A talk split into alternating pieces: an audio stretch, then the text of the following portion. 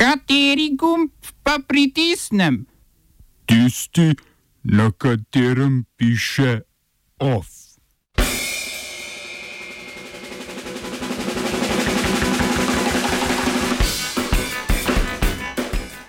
Sirski parlament pa boje Armencev med Prvo svetovno vojno označil za genocid. Evropsko sodišče za človekove pravice je odločilo, da Španija lahko vrača migrante v Maroko. Evropska investicijska banka in DARS podpisala 90 milijonsko posojilno pogodbo za karavanke. Noč erotičnega filma v Kinodvoru. Sirski parlament je sprejel resolucijo, s katero je prepoznal genocid Otomanskega cesarstva nad Armenci med Prvo svetovno vojno. Armence so med vojno na ozemlju današnje Sirije in takratnega cesarstva množično preganjali in pobijali. Med letoma 1915 in 1917 naj bi tako umrlo med 200 tisoč in 1,5 milijona Armencev. Republika Turčija dejanj ne zanika, vendar nasprotuje temu, da bi takratne progrome označili za genocid.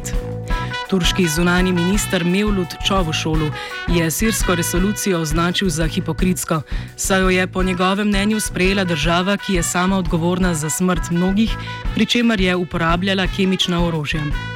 Med državama se tako po vojaških nemirih v severozahodni Siriji napetosti v zadnjem tednu še naprej stopnjujejo. Turške poboje Armencev med Prvo svetovno vojno so med drugim za genocid sicer označili že v ameriškem kongresu in nemškem Bundestagu.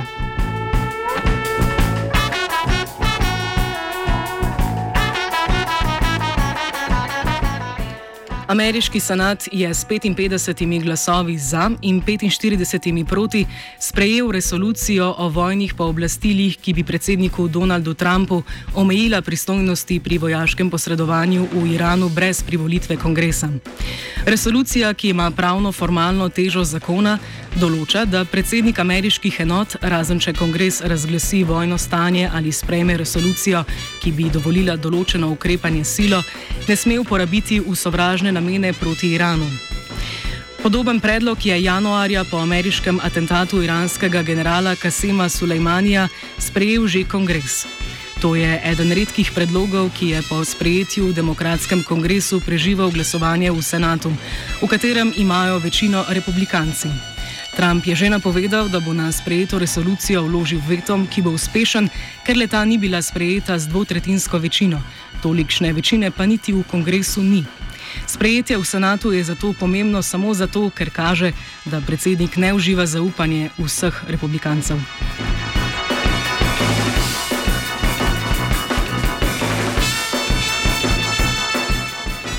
Potem, ko je Urad Združenih narodov za človekove pravice v sredo izdal poročilo, ki vsebuje seznam podjetij, ki poslujejo v izraelskih naselbinah na okupiranem palestinskem ozemlju, se je na nos ostro odzval ameriški zunani minister Mike Pompeo.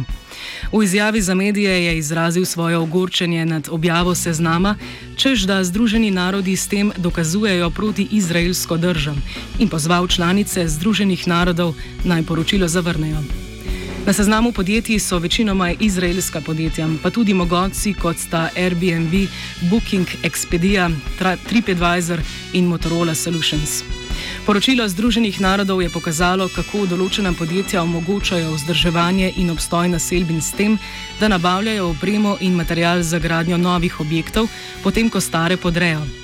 Podjetja prav tako nudijo transporte, finančne in bančne storitve, namenjene širjenju izraelskih naselbin, ki predstavljajo hudo kršitev mednarodnega prava.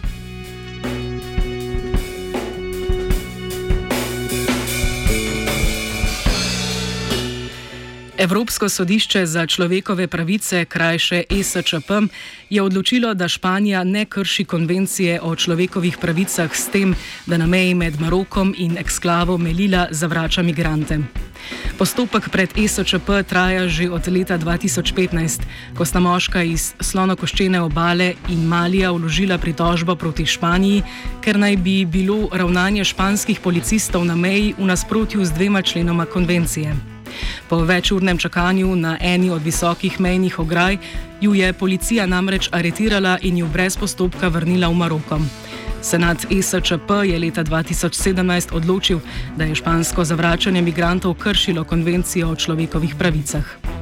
Takrat je Španija zahtevala, da zadevo obravnavajo še v velikem senatu sodišča, ki je včeraj odločitev iz leta 2017 zavrnil z obrazložitvijo, da omenjena migranta, ki sta vračanje izpodbijala na sodišču, zaščite nista iskala po pravih kanalih, zato ima Španija lete ni bila dolžna nuditi.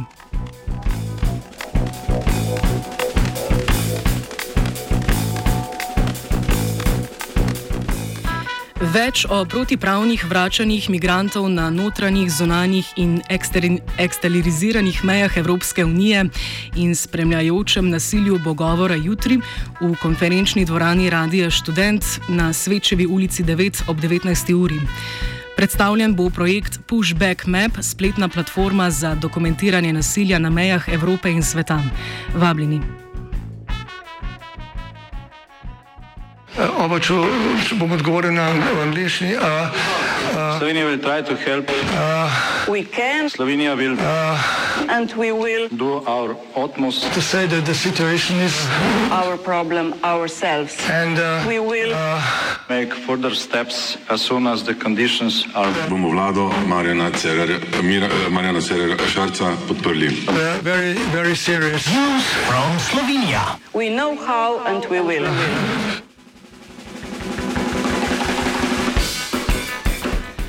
Predstavniki Evropske investicijske banke in družbe za ceste, krajše DARS, so podpisali 90 milijonov evrov vredno posojilno pogodbo za gradnjo druge cevi karavanškega predora.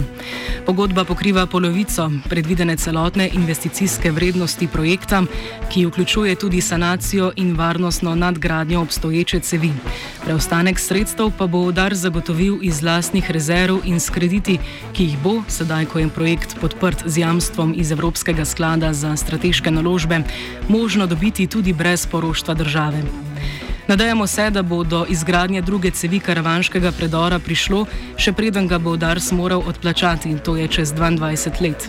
Spomnimo, da je mora, morala državna revizijska komisija kar petkrat odločati o razpisnem postopku, na katerem je bil naposled izbran turški gradbinec Čengis, s katerim je Dars 30. januarja podpisal pogodbo, sedaj pa teče 20-dnevni rok za predložitev ustrezne bančne garancije. Mimo grede, Avstrici so prvo lopato na svoji strani karavank zasadili že leta 2018.